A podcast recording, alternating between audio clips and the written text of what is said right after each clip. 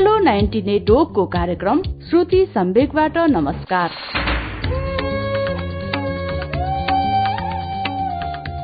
उज्यालो ninety नेटवर्कमा हरेक मंगलबार र शुक्रबार राति सवा नौ बजे कार्यक्रम श्रुति सम्वेक प्रसारण हुन्छ। देशभरिका अठारवटा एफएम रेडियो स्टेशनहरूबाट एकैसाथ प्रसारण भइरहेको कार्यक्रम श्रुति सम्वेगमा हामी वरिष्ठ साहित्यकारहरूका उत्कृष्ट गद्यहरू वाचन गर्दछौं। श्रुति सम्वेकको मंगलबारको श्रृंखलामा हामी कृष्ण धरावासीको उपन्यास आधा बाटो सुनाइरहेका छौं। कृष्ण धरावासीको वास्तविक नाम कृष्ण प्रसाद भट्टराई हो। उपन्यास आधा बाटोको गएको श्रृंखलामा उपन्यासकारले संजीवसँगको आफ्नो मित्रता उहाँको मित्र लिलक सिटौलालाई गोली लागेको प्रसंग सुन्यौं। दार्जीलिङ घुमेर घर आइसकेपछि आफ्नो बुवासँग त्यहाँ आफूले सुँगुरको मासु खाएको बारे बताएको अनुभव सम्मको प्रसंगमा चौथो श्रृंखला पूरा भएको थियो। अब आधा बाटोको पाँचौं श्रृंखलाको वाचन पृष्ठ त्रियासीदेखि सुनौ अच्युत घिमिरेको आवाजमा।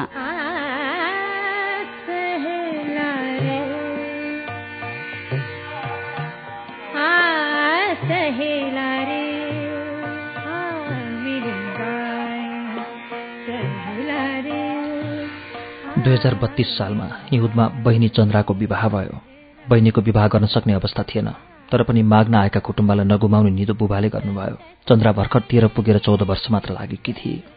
त्यति कलिलै उमेरमा उसको विवाह हुन लागेको थियो र म जेठान हुन लागेको थिएँ। बहिनीको विवाह हुने कुराले भन्दा पनि आफू जेठान हुनुपर्ने कुराले त्यसै एक किसिमको लाज लागेर आएको थियो। बुबाको स्वास्थ्य झन्झन बिग्रँदै जाँदै थियो। सायद आफ्नो स्वास्थ्य अवस्थालाई हेरेरै उहाँले त्यस्तो निर्णय गर्नुभएको थियो होला।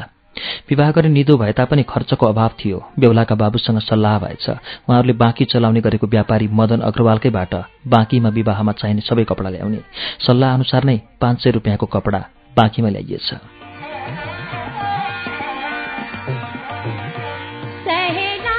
साधारण तरिकाले विवाह सम्पन्न भयो। हामी सानी बहिनी चन्द्रा साडी चोलो लगाएर ठुली जस्ती भएर गई। हामी सबै रोयौं। रूपरङ्गले हामी सबैभन्दा ऊ काली भए पनि अनुहारले भने ठ्याक्कै मसँग मिल्छे।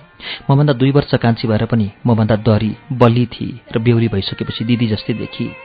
एक वर्ष अगाडि जन्मिएको भाइ कुमार चन्द्राले नै हुर्काएकी थिए। आमा बिहान दुध खुवाएर जानुहुन्थ्यो। दिनभरि उसैले भाइलाई फुल्याउने खुवाउने गर्थे। भाइ पनि उसैलाई मात्र खोज्थ्यो। ऊ बिहे भएर गएपछि भाइलाई फुल्याउन साह्रै गाह्रो भयो। टिकाले भाइलाई दिउँसो आमा भए ठाउँमा पुर्याउने गर्थे। चन्द्राको बिहे भएपछि सानै भए पनि घरधन्दाको जिम्मा टिकामाथि खनिएको थियो। उसले रुँदै कराउँदै झगडा गर्दै बिस्तारै त्यो जिम्मा वहन गर्न थाली।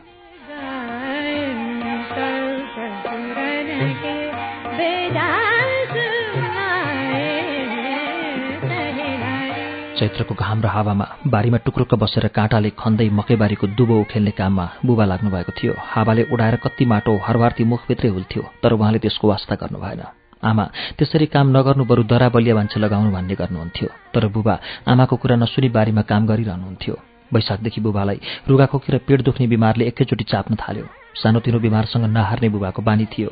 सकि नसकी उहाँ हिडुल गरिरहनुहुन्थ्यो। त्यसै पनि कमजोर शरीर भएको मान्छे। त्यसमाथि पनि नयाँ रोगले समातिसकेको थियो। साधारण दबाई औषधि गरियो तर दबाई औषधिले खासै काम गर्न सकेको थिएन।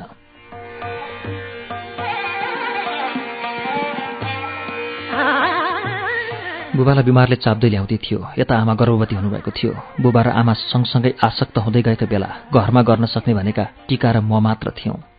म लुते पटक्कै बल तागत नभएको एउटी टिका थिए घरको सबै काम गर्नुपर्ने। बुबाको स्याहार घरधन्दा भाइको हेरचाह वस्तुभाव सबै उसको जिम्मामा थियो।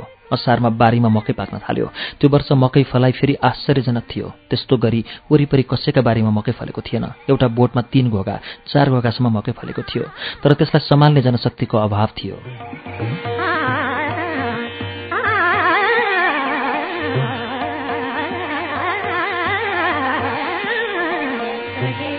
घरमा दाल चामल नुन तेल तथा बुबाको दबाई औषधिको लागि खर्च थिएन। आमा पनि बजार जान नसक्ने हुन थाल्नु भएको थियो। बजार गए पनि ढिलो जाने र चाँडै फर्किने गर्नुहुन्थ्यो। बर्की विधामा मैले पनि घरको काममा विशेष रुचि देखाएँ। नयाँ मकै छोडाएर बेच्नु बाहेक हाम्रो आम्दानीको अरू कुनै विकल्प थिएन। बजारमा मकैको भाउ तीस रुपियाँ मन थियो। हामी दिनभरि मकै छोडाउँथ्यौँ र त्यसलाई एक दुई घाम सुकाएर कुदाउँदै बजार लान्थ्यौँ। मकै बेचेको तीस रुपियाँले नुन तेल चामल र माछा वा मासु लिएर आउँथ्यौँ। त्यो वर्ष झन्डै पचास मन जस्तो मकै फलेको थियो। तर त्यसलाई जगडा गरेर महँगो दाममा बेच्न हामी असफल भयौँ। दुई हजार तेत्तिस साल श्रावण अठाइस गते शनिबार कान्छी बहिनी नानु जन्मी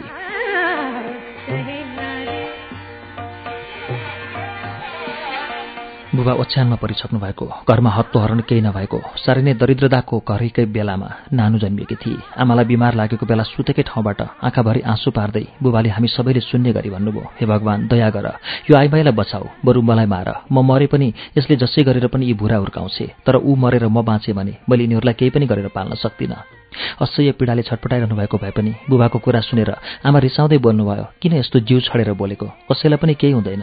यी सबै दुःखहरू आफै टरेर जान्छन्। हामी फेरि तन्दुरुस्त हुन्छौँ र पहिलेकै जस्तो संसार देख्नेछौँ। आमाको कुरा सुनेर बुबाले केही पनि जवाफ फर्काउनु भएन तर उहाँका आँखाबाट आँसु झार्न भने रोकिएनन्।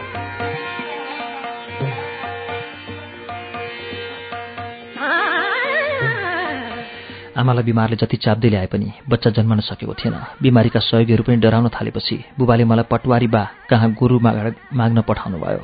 म खेतै खेत दौडेको दौडै पटवारी बाका घरमा पुगेँ। पटवारी बा घरमा थिएनन् तर सबै कुरा भनेपछि पटवारनी आमै र कृष्णवन दिदीले हतार हतार हलीलाई बोलाएर गाडा नार्न लगाई पठाइदिनु भयो। गाडी पुग्न सक्ने बाटो थिएन। घरबाट झन्डै पाँच मिनट जति आमालाई पैदल हिँडाएर ल्याई गाडीमा चढाई डाक्टर बाकोमा लिएर गयौँ। साँझतिर नानु जन्मी। आमालाई डाक्टरकोमा लिएर जानेमा आइबाई केटाकेटीहरू मात्र थियौँ। बच्चा जन्मिएपछि त्यही गाडीमा राखेर घरमा ल्याइयो। डाक्टर बाला दिने पैसा थिएन। उल्टै उहाँले नै दुई सय रुपियाँ र दबाई औषधिहरू दिनुभयो। आमालाई चाँडै सन्च भएको र राम्रैसँग बच्चा जन्मिएको देखेर बुबा खुसी देखिनुभयो। उठेर राम्रोसँग बस्न सक्ने अवस्था उहाँको थिएन। जे भए पनि उहाँको मनमा परेको पीरको अन्त्य भएको थियो। बयालिस वर्षको उमेरमा आमाले सुत्केरी हुनुपर्दा उहाँको स्वास्थ्यका बारेमा बुबालाई ठूलै चिन्ता लागेको रहेछ। त्यसबाट उहाँ मुक्त हुनुभयो।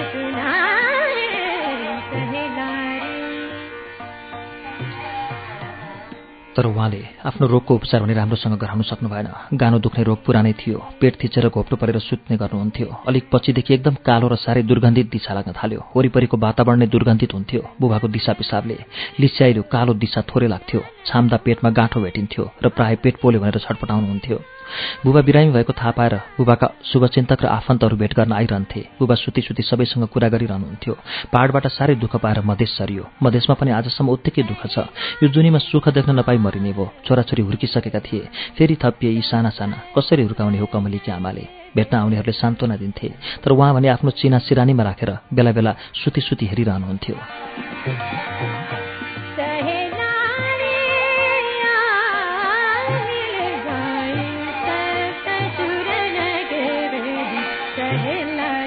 एक दिन आमाले बुबाको चिना माग्नुभयो। बुबाले चिना दिनु भएन बुबासँग रिसाउँदै उहाँले मेरो र आफ्नो मात्र चिना बोकेर हजुरबासँग चिना लिएर जानुभयो। हजुरबाले धेरै बेर चिना हेरेर केटाको कपाल खोरिने जोग परेको छ भन्नुभएछ। आमा रुँदै रुँदै घर आउनुभयो। घरभित्र पस्नासाथ बुबाले छोराको कपाल खोरिने सायद कहिले रहेछ त थाहा भयो भनेर सोध्नुभयो। बुबाको बोलीले आमालाई अझ चोट परेछ। उहाँ मुखबाट सोक सुख आवाजै निकालेर रुन थाल्नुभयो। बुबाका पनि आँखाभरि आँसु थिए। किन खालि मलाई छड्के छड्के हानेर रुवाउनुहुन्छ सिधा सिधा कुरा भनिदिनु नि। म पढालेखा नभएकी मान्छेलाई हुने नहुने सबै कुरा प्रष्ट भनिदिनु। के गर्छे सुनेर? मनकै पीर मात्रै त हो। हुने हुनामी कसैले टारेर टर्ने होइन। मान्छेले जस्तो पर्छ त्यस्तै भोग्दै जानुपर्छ। बिमारी त जो पनि हुन्छ नि। निको पनि त हुन्छ। बिरामी हुँदैमा खुट्टो तानिहाल्नुपर्छ र? आमाले भन्नुभयो कसले खुट्टो तानेको छ र? तर मान्छे सदा अमर हुने जीव पनि त होइन नि। एक दिन त जसले पनि त मर्नुपर्छ। आमाले झर्किँदै भन्नुभयो यो मर्ने कुरा चाहिँ कहिले नगर्नु मसँग। जा जा रे अपने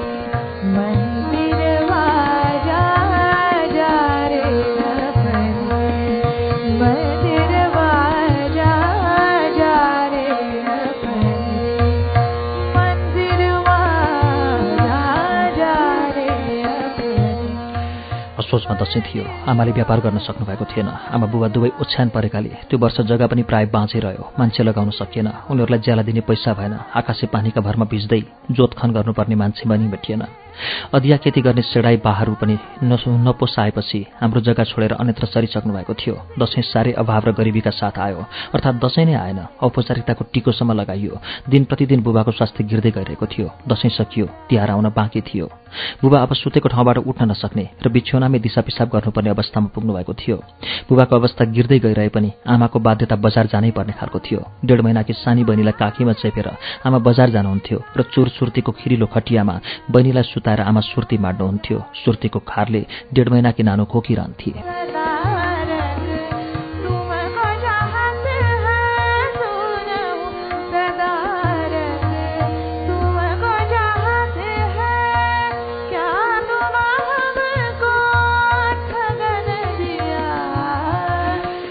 दुई हजार तेत्तिस कार्तिक एक गतेका दिन बिहान मैले बुबालाई साह्रै क्लान्त अवस्थामा देखेँ। जति नै सेकिस्त भए पनि उहाँको बोलीमा तेज थियो र निराशा वा शिथिलता प्रदर्शन गर्नुहुन्न थियो तर त्यो बिहान उहाँमा अनौठो परिवर्तन आएको थियो। मन त्यसै भरङ्ग भएर आयो।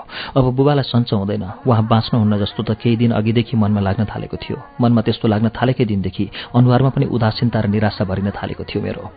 बुबाको अवस्था आमाले पनि विचार गर्नुभएछ। उहाँले टिकालाई आज त बजार जा म घर बस्छु भन्नुभयो।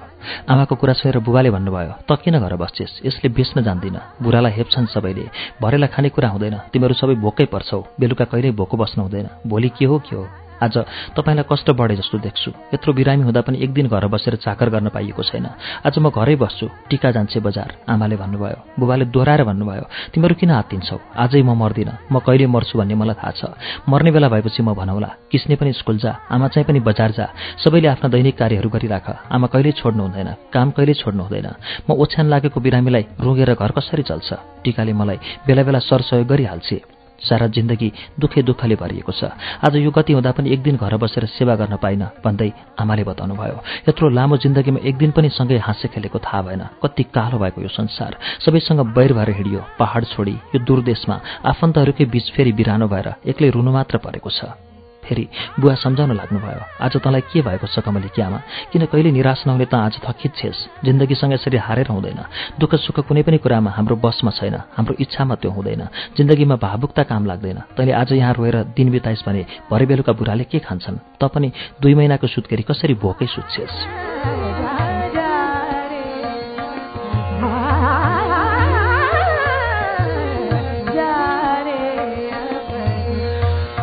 आँखाको आँसु पुस्दै नानुलाई काखी च्यापेर आमा बजारतिर लाग्नुभयो। घर पछाडि गएर हेरेँ आमा तलको बाँसकारीले नछेलेसम्म आँखा पुस्दै हिँडिरहनु भएको थियो। मन साह्रै अमिलिएर आयो। फर्किएर घर आएँ।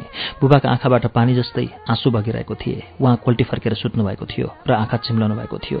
एकछिनपछि टिकाले मलाई बिस्तारै भने दाजु बुबाले मलाई तैँले मेरो साह्रै चाकर गरिस्। छोरी भएर पनि तैँले मेरो साह्रै सेवा गरिस् हेर टिका। म मर्ने बेलामा तँलाई एक थोक भन्छु भन्नुभयो। टिकाको कुरा सुनेर मन अमिलो भएर आयो। ओछ्यानमै बिरानो लागेको बुबाको शरीरलाई हेरेँ। अब यो शरीर धेरै दिन बाँच्दैन भन्ने लाग्यो। आँखा त्यसै त्यसै रसिला भएर आए। एउटा सानो चामलको पोकोले आएर दैलाबाट भित्र मिल्काएर आठमा बसेर रोएको। हजुरआमासँग बाजेको। घरका सबै झ्यालडोका खोलेर वस्तु बाख्राको दाम्लो खोलेर दुईटा भरियालाई साथ लिएर बसाइ हिँडेको मधेसका कुना कुना घुमेको पाती पढेको मामाहरूसँग झगडा गरेको सारा दृश्यहरू आँखामा आए। एउटा अपाङ्ग शरीर भएर पनि कति स्वाभिमान थियो यी मान्छेमा। हामीलाई कत्रो संरक्षण थियो उहाँको। डराउँथ्यौँ हामी पनि सबै नै सधैँ। कसैसँग नधकाउने न डराउने आँटी साहसी र विद्रोही स्वभाव थियो। तर आज गरिबीको चरम बिन्दुमा आएर टक्क उभिएको निराश लाग्दो बिहान उहाँको अनुहारमा सारा जिन्दगी हारेको दृश्य देख्यौँ हामीले। बुबाको अनुहारको त्यो रङले आमालाई सतर्क गराएको थियो तर जति नै दुःख र पीर गरे पनि त्यसलाई आफैलाई लुकाएर हाँस्ने र पचाउने बानी बोक्नु भएको उहाँले त्यो दिन पनि मलाई स्कुल नजान दिनु भएन।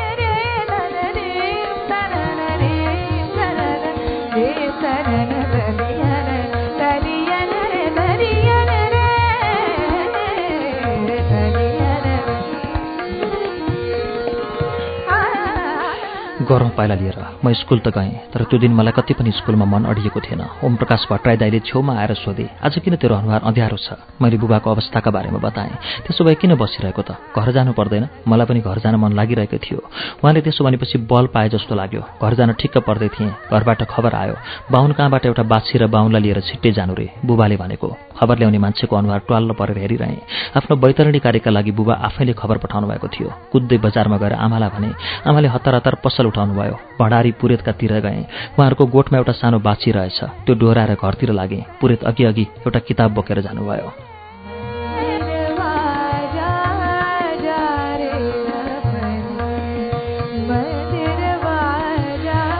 बाछो लिएर घर पुग्दा जन्तरी हजुरबा सेडाई बाहरू भेला भइसकेका थिए। बुबा उहाँहरू सबैसँग बिहानकै जस्तो राम्ररी नै गफ गरिरहनु भएको थियो। आमा अघि नै घर पुगिसक्नु भएछ। बुबा उठ्न सक्नु भएन। आँगनमा बाछो बाँधेको थियो। ओछ्यानमै बुबाको हातमा एउटा धागोको टुप्पो समात्न लगाई अर्कोपट्टिको धागोको टुप्पो बाछाको पुच्छरमा बाँधेर ब्राह्मणले बैतरणी विधि प्रारम्भ गरे। बीचबीचमा बुबाले नै कति श्लोकहरू आफै पनि पढिरहनु भयो बुबाले भन्नुभयो गर्नै पर्ने यो एउटा विधि पूरा गरिएको मात्रै हो। डराउनु पर्दैन। सबैले खाना खाओ। आमाहरू अर्को कोठामा पसेपछि बुबाले मलाई छेउमा बोलाएर भन्नुभयो हेर नानी आज दिउँसो चारजना मान्छे आएर यहाँ छानामा हरियो बाँस ठड्याए। भोलि बिहान कुखुरा बाँच्ने बेलामा आउँछौ ठिक परेर बस्नु भनेका छन्। तिमीहरू सबैले भात खाओ र चाँडै सुत बिहान चाँडै उठ्नुपर्छ। बुबाको कुरा सुनेर म लल्याक लुलुक भएँ। अँध्यारो डर भरिएर आयो। मुख सुक्यो मुटु ढुकढुक काम्यो। उहाँले भन्नुभयो अब शोक गर्ने बेला छैन। मेरा दिन यति नै हुन्। मैले आफ्नो दिनगन्ती अस्ति नै गरिसकेको छु। धेरै दुःख भयो जीवनमा। कहिले सुख दिन सकिनँ। तँलाई धेरै पढाउने इच्छा थियो। म मरे पनि तैँले पढ्न नछोड्नु। तेरि आमा साहसी से वीर से त्यसले तँलाई पढाउँछे। पढ्नु ठुलो मान्छे हुनु। फुलको नाक राख्नु। म केही पनि बोलिनँ। उठेर भित्र पसेँ।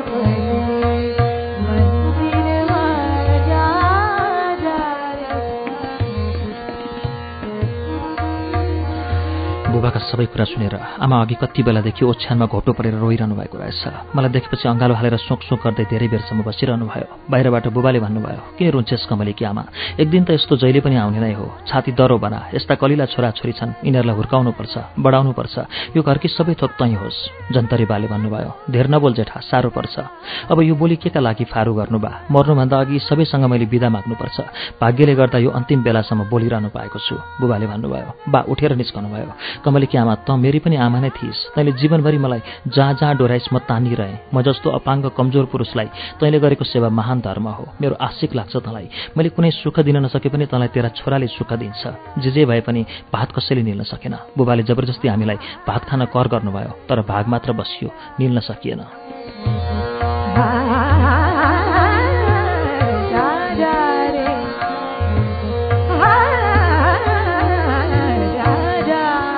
बुबाले भन्नुभयो मलाई पनि अलिकति माड दियो मैले चम्चाले दुई तिन चम्चा जति माड मुखमा हालिदिएँ। उहाँको टाउको छेउमा बसेको थिएँ। बुबाले ठुलो ठुलो मेरो मुखमा हेरिरहनु भयो। जन्तरी हजुरबाले गोजीबाट सानो गीताको किताब निकाल्नुभयो उहाँले भन्नुभयो जेठा अब म गीता पाठ गर्छु त सुन है। बुबाले बिस्तारै हुन्छ भन्नुभयो। हजुरबा फर र संस्कृतमा गीता पाठ गर्न थाल्नुभयो। बुबा नचुपटाइ सुतिरहनु भयो। बेला बेला उहाँले बोलाउनुहुन्थ्यो जेठा बुबा बोल्नुहुन्थ्यो। अँ राति एघार बजीतिर मलाई झपक्क निद्रा लाग्यो। हजुरबा गीता पाठ गरिरहनु भएको थियो। म गएर सुतेँ।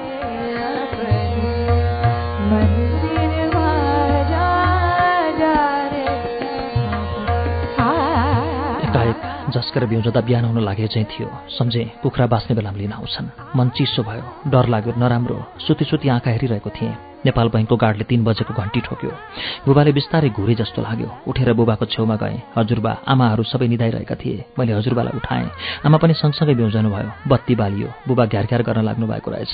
पहिला त घुरेको हो कि जस्तो लागेको थियो। होइन रहेछ। हतार हतार हजुरबा छेउमा आएर बुबाको नाडी छाम्नु भयो। बोलाउनु भयो जेठा हजुर तर आँखा हेर्नु भएन। के भयो? सास फेर्न अप्ठ्यारो भयो अड्किँदै बुबाले भन्नुभयो। हजुरबा फेरि गीता पाठ गर्न थाल्नुभयो। म भने बुबाको सिरान्ने र मुढामाथि बसेर उहाँको टाउकोमाथि हात राखिरहेँ। आमा उठेर बाहिर जानुभयो। तुलसीको पत्ता र अलिकति तिल पानीमा हालेर ल्याउनु भयो मैले चम्चाले मुखमा हालिदिएँ निल्नुभयो।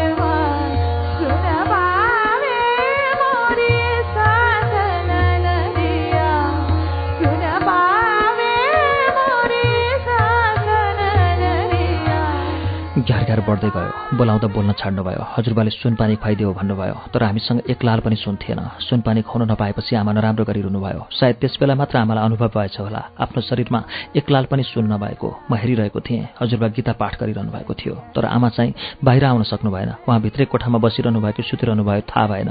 हेर्दा हेर्दै बुबाको अनुहारमा अनेक खालको गति चलमलायो। सास फेर नसके जस्तो किटिक किटिक घाँटीमा केही अड्के जस्तो भयो। हजुरबाले हतार हतार एउटा बटुकोमा अलिकति दही ल्याएर यो खुवाइदिए भन्नुभयो। मैले चम्चाले अलिकति दही मुखमा हालिदिएँ त्यो निल्न सक्नु भएन। पुलुक्क मलाई हेर्नु भएर हेरेको हेरे गर्नुभयो। एकछिनपछि हजुरबाले नाडी छामेर भन्नुभयो जेठो सकियो। अनि पो मैले थाहा पाएँ त्यो आँखा खोलेकै बेलामा उहाँको प्राण गइसकेको रहेछ। आँखा मिलाइदिए भन्नुभयो बाले। मैले आँखा बन्द गर्न खोजेँ। बन्द भएनन् तर ती फुस्रा भइसकेका थिए। रुवाबासी भयो। मेरो आँखाबाट एक थोपो पनि आँसु झरेन। भित्र कहाँ गाँठो परे जस्तो भइरह्यो। रुवाबासी सुनेर टिका पनि बिउसी बुबा मरिसकेको कुरा सुनेर बाहिर आएर बुबाको शरीरमाथि घोप्टो परेर रुँदै भन्न थाली। बुबा मलाई मर्ने बेलामा एक थोक भन्छु भन्नुभएको थियो। खै त भनेको? भन्नु न मलाई। तपाईँले भन्न खोजेको एक थोक भन्नु। अहिले नै भन्नु। उसले ठुलो कोकोहोलो मचाई उसलाई हामीले रुन दिइरह्यौँ। धेरै बेरपछि ऊ आफै चुप लागि। एकोहोरो जस्तै भई। मान्छे मरेको घर कति अँध्यारो कति सुनसान र पीडापूर्ण हुँदो रहेछ। हाम्रो घरमा धेरै खुसी र रमाइलो त प्राय थिएन नै। तर यस्तो पीडापूर्ण समय चाहिँ अरू बेला कस्तै आपत पर्दा पनि हुँदैन होला सायद।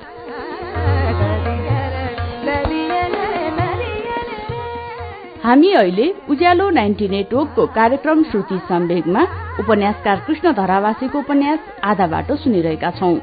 केही बेरपछि यसको बाँकी अंश लिएर आउँछौ। उज्यालो सुन्दै गर्नुहोला।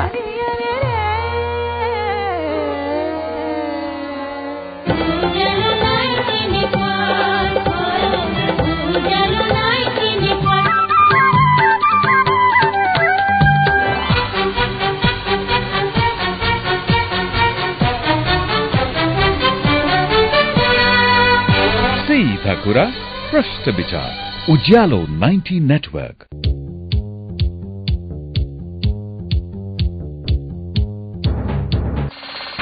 कार्यक्रम श्रुति सम्वेक तपाई अहिले उज्यालो नाइन्टी नेटवर्क काठमाडौँ सँगै इलाम एफएम झापाको एफएम मेची ट्युन्स बर्दिवासको रेडियो दर्पण दोलखाको कालिन्चोक एफएम वीरगंजको नारायणी एफएम हेटौँडा एफएम चितवनको रेडियो त्रिवेणीमा सुनिरहनु भएको छ। त्यसै गरी तनहुको मादिसेती एफएम फलेवासको रेडियो पर्वत गुल्मीको रेडियो रेसुङ्गा पोखराको रेडियो तरंगमा पनि श्रुति सम्वेक सुन्दै हुनुहुन्छ। रेडियो प्युठान दाङको रेडियो मध्यपश्चिम भेरीको रेडियो कोहलपुर सल्यानको रेडियो राप्ती सुर्खेतको रेडियो भेरी र जुम्लाको रेडियो कर्णालीबाट पनि अहिले एकैसाथ श्रुति सम्वेक प्रसारण भइरहेको छ। श्रुति सम्वेकको आजको श्रृंखलामा हामीले कृष्ण धरावासीको उपन्यास आधा बाटो सुनिरहेका छौं। अब सुनौ उपन्यासको बाँकी अंश।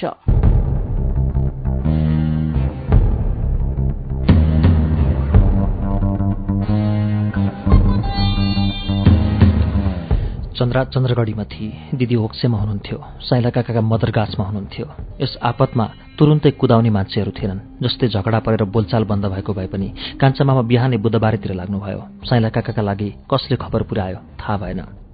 बुबाको लासलाई तुलसीको मठमा सारियो सिर्नेर म टुक्रुक्क बसे। उज्यालो हुँदै गएपछि फाटोफुट्ट मानिसहरू आउन थाले। लोग्ने मान्छेहरू भन्दा आइमाई केटाकेटीहरूको भिड जम्मा हुँदै गयो। सात बजीतिर बाहुन पनि आइपुगे। बेलुका ट्याउ ट्याउ बोलिरहेको मान्छे छोडेर गएका पुरेत एका बिहानै मरेको खबर सुनेर छक्क परेका थिए।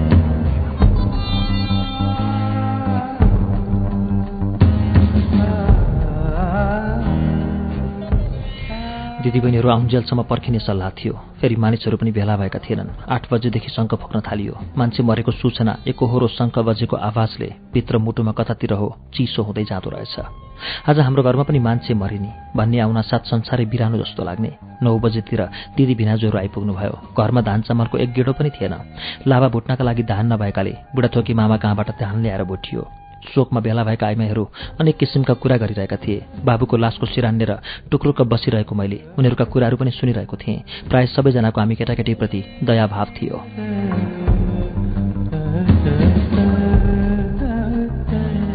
मिस्टनी ठुलामाले भन्नुभयो बलको काम केही गर्न नसके पनि बोलीका धनी आँटी मान्छे थिए ज्वाइँ। घर बसी बसी पनि सबैलाई संरक्षण दिएका थिए। दुःख त मारिला छँदै थियो। त्यो दुःखले उसलाई अब झन् थिच्ने भयो। जे भए पनि दुई बिघा आफ्नै जग्गा छ। बिस्तारै गरी खान्छन् पछि त। तर अहिले पो ककसको के कति ऋण पान्छ तिरो तारो कस्तो छ? यी केटाकेटीहरूलाई थाहा छ कि छैन? ककसलाई के कति तिर्नु छ केही भनेको छ नानी? मलाई बुबाले केही भन्नुभएको थिएन। घर व्यवहारमा आमा बुबाका बीच भइरहेका कुराकानीबाटै मलाई प्राय धेरै कुरा थाहा थियो। त्यसैले बुबाले नभनेको भए पनि मैले भन्नुभएको छ भने मैले त्यसो भन्ने बित्तिकै बुबाका घनिष्ठ एक छिमेकी अघिदेखि लासको नजिकमा उभिरहेका थिए। उनले हतार हतार सोधिहाले नानी मेरो पनि दुई सय रुपियाँ तिर्नु छ भनेर भन्नुभएको छ कि छैन?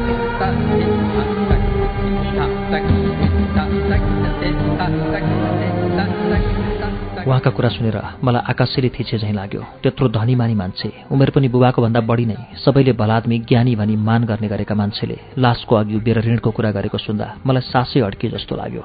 उहाँकोबाट दुई बोरा चामल ल्याएर खाएका थियौँ। तिरेर बाँकी रहेको दुई सय तिर्न बाँकी रहेको मलाई थाहा थियो तर उहाँले त्यो ऋणको कुरा गर्ने बेला थिएन। मरेको लासको अघि उभिएर ऋणको कुरा त कस्तै मान्छेले पनि गर्दैन होला। जीवनलाई पैसाले मात्र तौलिने बानी परेका मानिसहरूलाई संवेदनशीलताको पटक्कै ज्ञान नहुँदो रहेछ। बाबुको लासको सिरानमा घोसे मुन्टो लगाएर बसिरहेको एउटा सोह्र वर्षको किशोरलाई तेरो बाबुले मलाई दुई सय तिर्नुपर्ने छ भनेर भनेको छ कि छैन नानी भनेर सोध्ने आँट नै उनले कसरी गरे होलान्। उनको प्रश्नको उत्तर मैले त सजिलै दिएँ तर त्यहाँ उपस्थित धेरैजनाले त्यो प्रश्न सुनेर एक आपसमा हेराहेर गरेका थिए।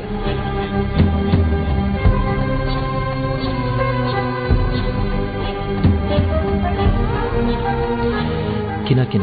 मलाई आज पनि त्यो दिनको त्यो प्रश्न ठुलो आवाजका साथ कानमा बारम्बार ठोकिरहे झैँ लाग्छ। मान्छेमा दया माया सहानुभूति र प्रेम भन्ने कुरा कहिले र कसकसका बीच मात्र हुन सक्छ भन्ने मलाई छर्लङ्ग छ।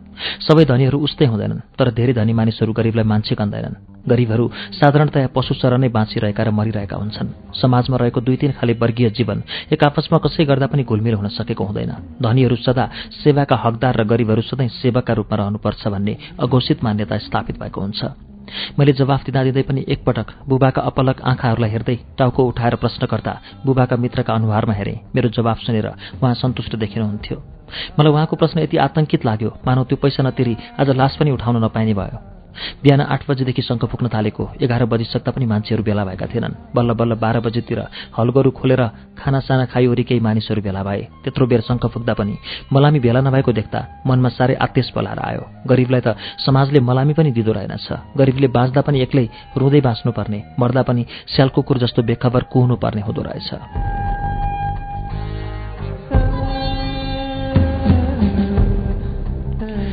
मलाई आफैदेखि आफैलाई घोर लाज लागेर आयो। समाजमा हाम्रो बच्चाइको स्थिति साक्षात्कार भएको थियो। रुन सघाउन र सहानुभूति दिन आएका महिलाहरू पनि बिस्तारै बाटो लाग्दै गए। लास छिनाउने बेलामा जम्मा बिसजना मान्छे भेला भएका थिए। ती पनि अधिकांश अरूका हली गोठालाहरू थिए र केही सतारहरू थिए। लासलाई बेरिङ खोलामा लगियो।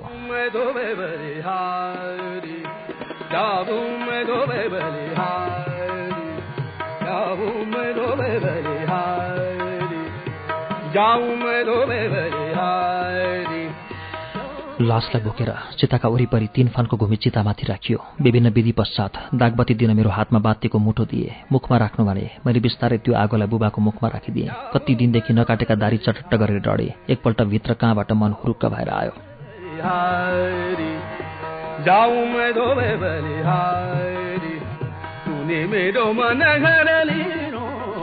आगोले पोले होला छटपटाउनुहुन्छ होला जस्तो लाग्यो। मन अत्यन्त कठोर हुँदै गएको थियो। बिहानदेखि नै भइरहेका घटनाहरू र मानिसहरूका व्यवहारले मलाई रुनु भावुक हुनु पीडापूर्ण हुनु सबै हराइसकेको थियो। रुनु पनि कोसँग? के का लागि रुनु? आफू रहेको देखेर सान्त्वना दिने माया गर्ने संवेदना पोख्नेहरू भए पो रुनुको पनि एउटा अर्थ हुन्छ। एक्लो आपत र असुरक्षामा त शोकको पनि कुनै महत्त्व नहुँदो रहेछ। चन्द्राले लास देख्न पाइन। ऊ भोलिपल्ट मात्र रुँदै कराउँदै आइपुगी। उसले साह्रै ठुलो शोक गरी। मेरो व्रतबन्ध गरेको थिएन। व्रतबन्ध नगरिएकाले क्रिया गर्न नमिल्ने रहेछ। घाटमा आउनुभएका साइला काकाका आठ दिनमा आई ढिकुर उठाउने भनी घर जानुभयो। क्रिया गर्ने क्रियापुत्रीको अनुपस्थितिमा हामी झोक्राउनु ज्यादै दिक्क लाग्दो थियो। तल्लो जातकासँग दोहोरो बोल्न नहुने अलग्ग बस्नुपर्ने व्रतबन्ध नगरेकाले मैले पनि आमाले पकाएर दिएको खाँदा हुने आदि कुरा पुरेतले सिकाएर गएका थिए। सात दिनसम्म कुनै विधि नभएपछि पुरेत पनि आइरहनु परेन। भोलिपल्ट बिहान भयो। दिनको एक छाक खानुपर्ने तर अब आज के खाने भन्ने ठुलो समस्या पर्यो। हिजो त काँचो केरा उसिनेर खानु पर्दो रहेछ खाइयो। तर अब आजलाई समस्या थियो। प्रत्येक दिन किनेर ल्याउने र खाने गरेकोमा अब त्यो क्रम टुटेको थियो। घिउ अदुवा चामल कागती आदि कुराहरू चाहियो। दिदी बहिनी आमा म आदि सात आठजना शोकमा बसेका थियौँ। तर यो दोस्रो दिन बिहान नै के खाने भन्ने पीडाले सताउन थाल्यो। यस्तैमा विश्वमामा आइपुगे।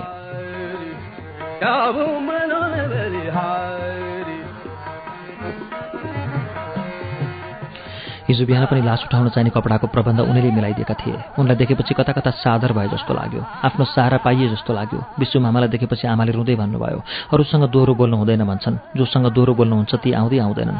अब केटाकेटी भोकाइसके दिउँसो के खाने हो? घरमा खानु हुने भन्ने केही पनि छैन।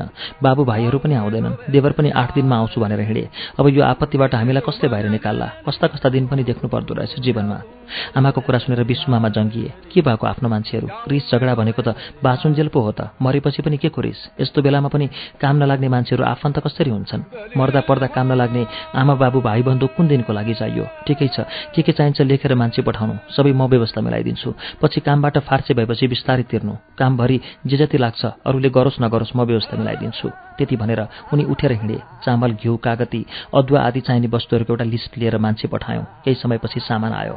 हाम्रो घरको यस्तो अवस्था रहेको कुरा भिनाजुलाई राम्ररी थाहा थियो किनभने गएको हिउँदमा एक रात भिनाजु र मैले सिरकको ठाउँमा झुल ओढेर रातभरि जाडोले कामदै बिहान बनाएका थियौँ। म त प्राय सधैँ नै त्यही झुलमा लटपटेर कामदै उज्यालो पार्थेँ तर भिनाजुलाई पनि त्यही ओढाएर सुताउनु पर्दाको लाज र ग्लानीले मलाई नराम्रो गरी सताएको थियो। भोलिपल्ट भिनाजुले बुधबारेबाट केही पैसा र चामल लिएर आउनुभएछ।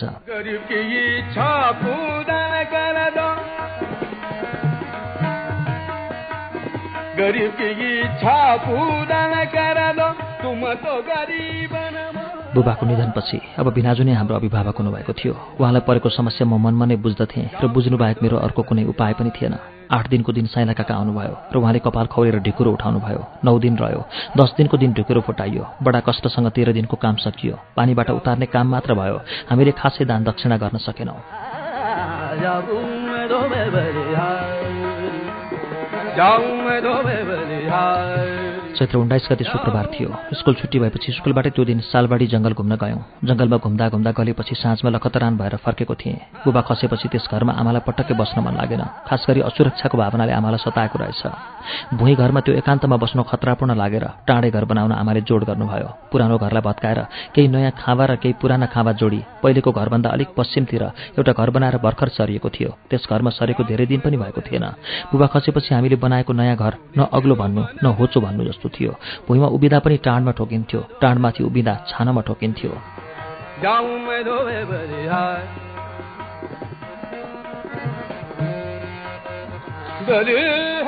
दिनभरि जङ्गल घुमेर फर्केको म निकै थाकेको थिएँ। आमा बजार र म स्कुल जाने घरको सबै जिम्मा टिकाला थियो। बिहान बेलुकाको भात पकाउने गाई बाख्रालाई घाँस पानी गर्ने आदि काम उसको थियो। उमेर अनुसार उसलाई कामको भार ठुलो थियो। उसका उमेरका बालिकाहरू स्कुल पढिरहेका थिए तर उसलाई हामीले स्कुल पढाउन सकेनौँ। कम्तीमा मलाई मात्र भए पनि स्कुल पढाउने एक सूत्रीय कार्यक्रम थियो आमा बुबाको। त्यसभन्दा बाहिर परेकी टिका निरक्षर घरधन्दामा व्यस्त थिए। राति धेरै बेरसम्म पढेर बस्ने। मेरो बानी नै भइसकेको थियो। खाना खाएर धन्दा गरिसकेपछि आमा भाइ बहिनीहरू सुतिहाल्थे। बस्ने केही काम पनि त हुँदैन थियो। गफकाफहरू सधैँलाई के हुन्थ्यो र थाकेको शरीर खायो सुत्यो। मेरो पो पढ्ने अल्मलिने काम हुन्थ्यो। फेरि म नियमित केही न केही लेखिरहन्थेँ। कथा कविता नाटक एकाङ्की उपन्यास हास्य व्यङ्ग्य खण्डकाव्य आदि अनेक विधामा म नियमित लेखिरहन्थेँ। त्यस बेलासम्म मेरा तीनवटा उपन्यास चारवटा एकाङ्की नाटक एउटा खण्डकाव्य थुप्रै कथा र कविताहरू भइसकेका थिए। एक दर्जन जति खाताहरू भरिएका थिए। पाठ्यक्रम बाहिरका किताब पढ्ने बानी पनि बसेको थियो। साथीहरूबाट उपन्यास कथाहरू ल्याएर पढ्ने गर्थेँ। मलाई सबैभन्दा ज्यादा प्रभाव परेको पुस्तक थियो मुना मदन गरिबीको सजीव चित्रण भएको त्यस विरह काव्यले हाम्रा घरका सबैलाई छोएको थियो। बुबालाई त मुना मदनका कैयौँ श्लोकहरू कण्ठ थिए। सुनेकै भरमा पनि आमालाई त्यो कण्ठ थियो। तैपनि मलाई पाठ गर्न लगाउनुहुन्थ्यो।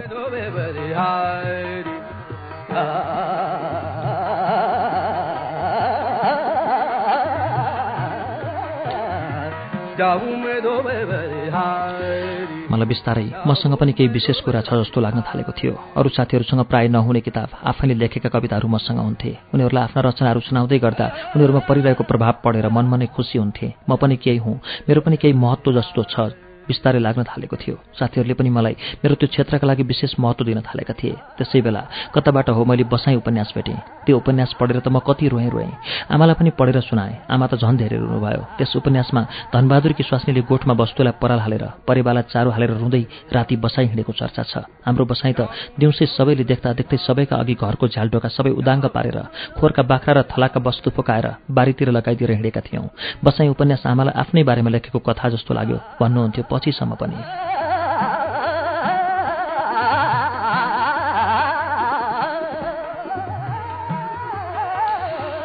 चैत्र उन्नाइस गते शुक्रबारको त्यो रात सबै सुतिसकेका थिए। म विज्ञानको खाता पढिरहेको थिएँ। सानैदेखि मेरो पढ्ने बानी अनौठो थियो। प्रत्येक पाठ म कण्ठ गर्थेँ। पढेर कण्ठ गरेपछि पुस्तक बन्द गरेर नहेरी लेख्थेँ। जस्ताको तस्तै नहेरी पाठ खातामा उतारेपछि त्यो मलाई सदाका लागि हुन्थ्यो। विज्ञानका प्रयोगहरू सिद्धान्तहरू गणितका लामा लामा समस्याहरू सबै मलाई कण्ठ हुन्थे। त्यो रात सिरानीमा टुक्की राखेर ढल्किएर म विज्ञानको खाता पढिरहेको थिएँ। गलेर लखतरान भएको शरीर झ्याप झ्याप आँखा बन्द हुन खोज्दै थिए। नेपाल बैङ्कको गार्डले एघार बजेको घन्टी बजाइसकेको थियो।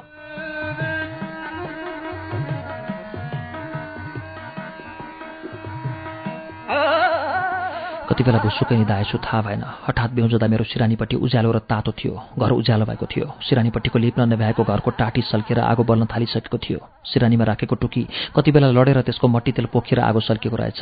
के गर्ने के गर्ने म एक क्षण अलमलमा परेँ। आगो झन्झनै हुर्किँदै गइरहेको थियो। त्यस्तैमा मलाई कताबाट होस आएछ। हतार हतार तल गएर पानीको गाग्रो लिएर आएँ। तर त्यसबाट पानी छ्याप्न नपाउँदै केमा ठोकिएर हो गाग्रो फुट्यो। पानी छताछुल्लो भयो। अब आगोलाई नियन्त्रण गर्ने कुनै उपाय थिएन।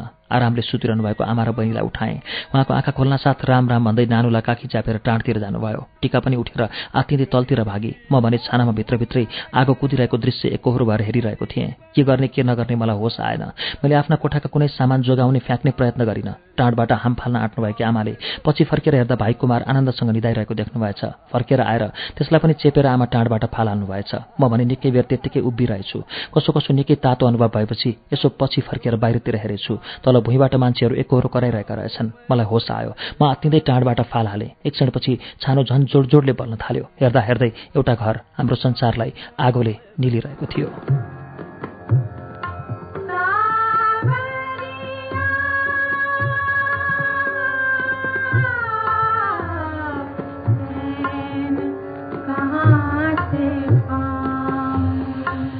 आगोको ज्वालो उठेर आकाशलाई छुन खोजिरहेको थियो। चटट चटट गरेर परिवेशै थर्किने गरी आवाज आइरहेको थियो। कालो र सेतो मिसिएको दुहाको मुस्लो आकाशतिर तेजले उठिरहेको थियो। गाईले आफै दाम्लो चुडाएर भागेछ। कसले हो कुदेर गएर बाछो खोलिदिएछन्? बाख्रा र कुखुरा निकाल्ने होस कसैको आएन। भरेसम्म बाख्रा र कुखुराहरू कराइरहेका थिए। आमा बेहोस हुनुभएको थियो। मानिसहरूले उहाँलाई पानी खनाइरहेका थिए। म भने चुपचाप निश्चल उभिएर घरमा बलिरहेको र रमाइरहेको आगोलाई हेरिरहेँ।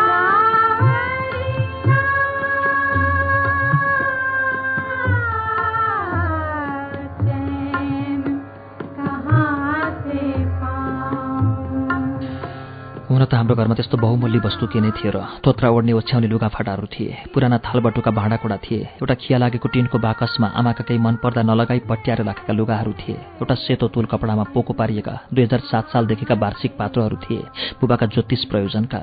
केही ज्योतिष सम्बन्धी पुस्तकहरू पनि थिए। एउटा काठको दराज थियो ठुलो। दुई हजार अठाइस सालमा एक सय पचास रुपियाँमा किनेको। धेरैजसो वस्तु त्यसै दराजमा राख्ने गरिन्थ्यो। एउटा सानो खेलौना जस्तो टिनको सेफ थियो। नम्बर मिलाएपछि खुल्ने। मैले त्यो नक्सलबाट किनेर ल्याएको थिएँ। खुत्रुके त्यसमा मैले पाँच दसका एक सय पचपन्न रुपियाँका नोटहरू पट्याएर राखेको थिएँ।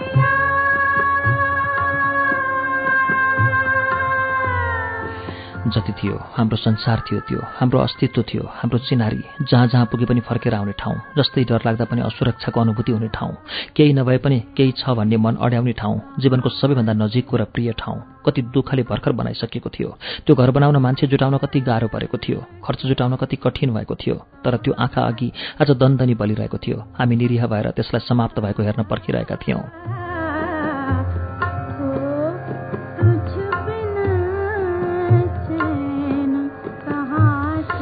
बिस्तारै मानिसहरू पातलिँदै गए।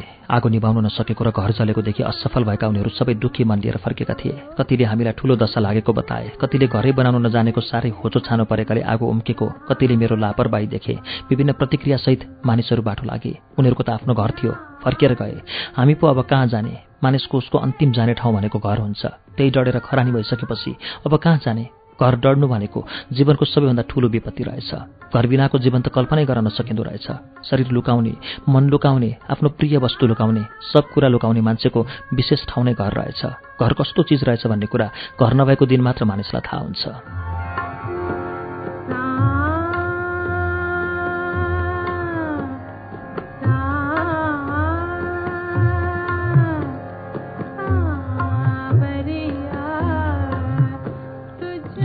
बुबा मरेको दिन लागेको थियो। मान्छेलाई सबैभन्दा ठुलो आपत शोक घरमा मान्छे मरेको दिन पर्दो रहेछ। आफन्तको मृत्यु जति पीडापूर्ण केही नहुँदो रहेछ। तर घर डढिसकेपछि मैले बुझेँ घर डढ्नु जस्तो ठुलो आपत्ति घरमा मान्छे मर्नु पनि भइरहेछ। मान्छे त मर्ने नै शरीर हो। कुनै न कुनै दिन त्यसले मर्नै पर्छ। मान्छेको जीवनमा विवाह व्रतबन्ध खुसी उत्सव उन्नति प्रगति यात्रा आदि जस्तै मृत्युको पनि एक वैकल्पिक तयारी रहेकै हुन्छ। मृत्यु ठुलै शोक भए पनि त्यो अपरिहार्य शोक हो। त्यसका निम्ति आफन्तहरू सबै मानसिक रूपमा पीडाजनक रूपले तयार रहेका हुन्छन्। मृत्यु नियमित आकस्मिकता हो तर घर जल्नु यो नियमितताभित्र पर्दैन। जीवनमा एकपल्ट जसको पनि घर जल्नै पर्ने हुँदैन। घर जल्नु ठुलो असोच्य दुर्घटना हो। कसै कसैलाई मात्र पर्ने यो दुर्घटना वास्तवमा ज्यादै अभाग्यजनक छ। मान्छे मर्दा त सबै भेला हुन्छन् शोक मनाउँछन् उसका गुण अवगुणको चर्चा परिचर्चा गर्छन् तर बिस्तारै सहज हुँदै जान्छन्। मृतकको स्मृति ताजा राखेर आफ्नै घरमा जीवनमा कमाएका भेला गरेका काम लाग्ने नलाग्ने वस्तुहरूसँगै दिनचर्या सुरु गर्छन्। तर घरै नरहेपछि आर्थिक तथा सामाजिक दुवै रूपमा मान्छे असुरक्षित हुँदो रहेछ। अहिलेलाई नै लगाउने कपडा हुँदैन पकाउने अन्न हुँदैन पाक्ने भाँडो हुँदैन। सुत्ने ठाउँ हुँदैन। मान्छे एकैछिनमा भिखारी भइसक्छ। एक क्षण अगाडिको अगाडिको सम्पन्नता नै सपना जस्तो भन्न पुग्छ।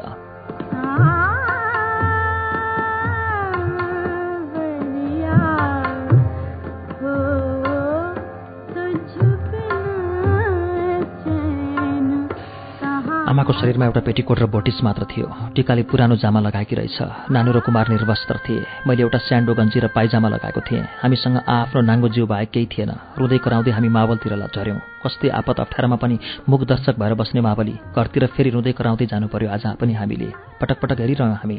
विधिले प्रकृतिले आफ्नै बेहोसीले कमजोरीले हामी सदा हारिरह्यौँ। मनमा जति इख बोके पनि जति नै स्वाभिमानलाई उमार्न खोजे पनि जति नै आफ्नो खुट्टामा उभिन खोजे पनि तर हामी सदा धराशायी हुन्थ्यौँ सदा हार्थ्यौँ। पहाडमा आमा बुबाले कुरा गरेको सुन्थेँ। आमा भन्नुहुन्थ्यो मेरो भाइ पढेको छ साङ्रुम्बामा मास्टर छ। बा आमा पनि असल छन्। उनीहरूकै आडभरासमा बरु हामीलाई सजिलो हुन्छ। यहाँ सदा हेपिएर दबिएर सबैको हाँसोको पात्र हुनुभन्दा मधेस जाउँ एक थोक होला। बुबाले पनि ससुरालीमाथि ठूलै विश्वास गर्नुभएको थियो। रातभरि आमा बसेर रोइरहनु भयो। मैले आँखा हेरेको हेरै उज्यालो पारेँ। दिमागमा कुनै चित्र आएन। उज्यालो भन्ने कतै थिएन सोचाइमा। बितेको हिजो जहाँ लगेर मन अड्याउने ठाउँ थिएन र आउने भोलि त देख्दै देख्दिनथे। सोच शून्यता भरिएको थियो। दिमागभरि बिहान उठेर उँभो लागे। आगो अझै धुवाइरहेको थियो। खाँबाको बाँचेको भाग अझै बलिरहेको थियो। केही अवशेष थिएन। पर अगार र खरानीका बीचमा एल्युमिनियमका भाँडाहरू पग्लेर फेरि जमेका बे आकारका देखिन्थे। पित्तलको कसौडी र भड्डु भाँडो कालो भएर कोप्रिरहेको देखेँ। छेउमा स्टिलका थाल बटुका र गिलासहरू पनि कालै भएका थिए। पोलेको मासुको गन्ध आइरहेको थियो। बाख्राहरू एकै ठाउँ धुवाइरहेका थिए। कार्यक्रम श्रुति सम्वेगमा भर्खरै वाचन भयो कृष्ण धारावासीको नयाँ उपन्यास आधा बाटो। आज पाँचौं श्रृंखलामा लेखकका बुवा थला पर्दै गएर निधन भएको प्रसंग सुन्यौं। चरम गरिबीसँग संघर्ष गरिरहेको लेखकको परिवारलाई उहाँको बुवाको निधनले झन ठूलो वज्रपात पर्यो। लासको अघिल्तिर आफ्नो पैसा लिन बाँकी रहेको भन्नेहरू देखा परे। एनकिन उहाँको परिवारले संघर्षमा जीवन गुजार्ने प्रयास गरेकै थियो। फेरि अर्को विपत्ति आइपर्यो। उहाँहरू बस्ने गरेको घर जल्यो। दुःखले सायद समय पूरा नभई कसैको साथ छोड्दैन। उहाँको परिवार अब कसरी अगाडि बढ़ला त? आउँदो अंकमा सुन्नेछौ। आधा बाटो बजिरहँदा कतिपय श्रोताले प्रश्न गर्नुभएको छ के यो सत्य घटना हो? कृष्ण धारावासीको यो उपन्यास उहाँको आफ्नै जीवनमा घटेका सत्य घटना हुन् र उहाँले यसलाई उपन्यासको शैलीमा प्रस्तुत गर्नुभएको हो।